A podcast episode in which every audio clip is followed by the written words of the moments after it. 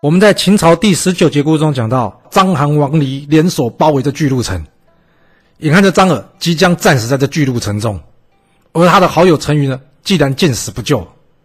然而，这是一个非常困难的问题，那就是明知去救也会一死，那应该是与他一起共赴黄泉，还是保留实力，将来有机会为他报仇？这个问题我到现在也都还没有答案。或许聪明的你。可以告诉我你是怎么看待这个问题的？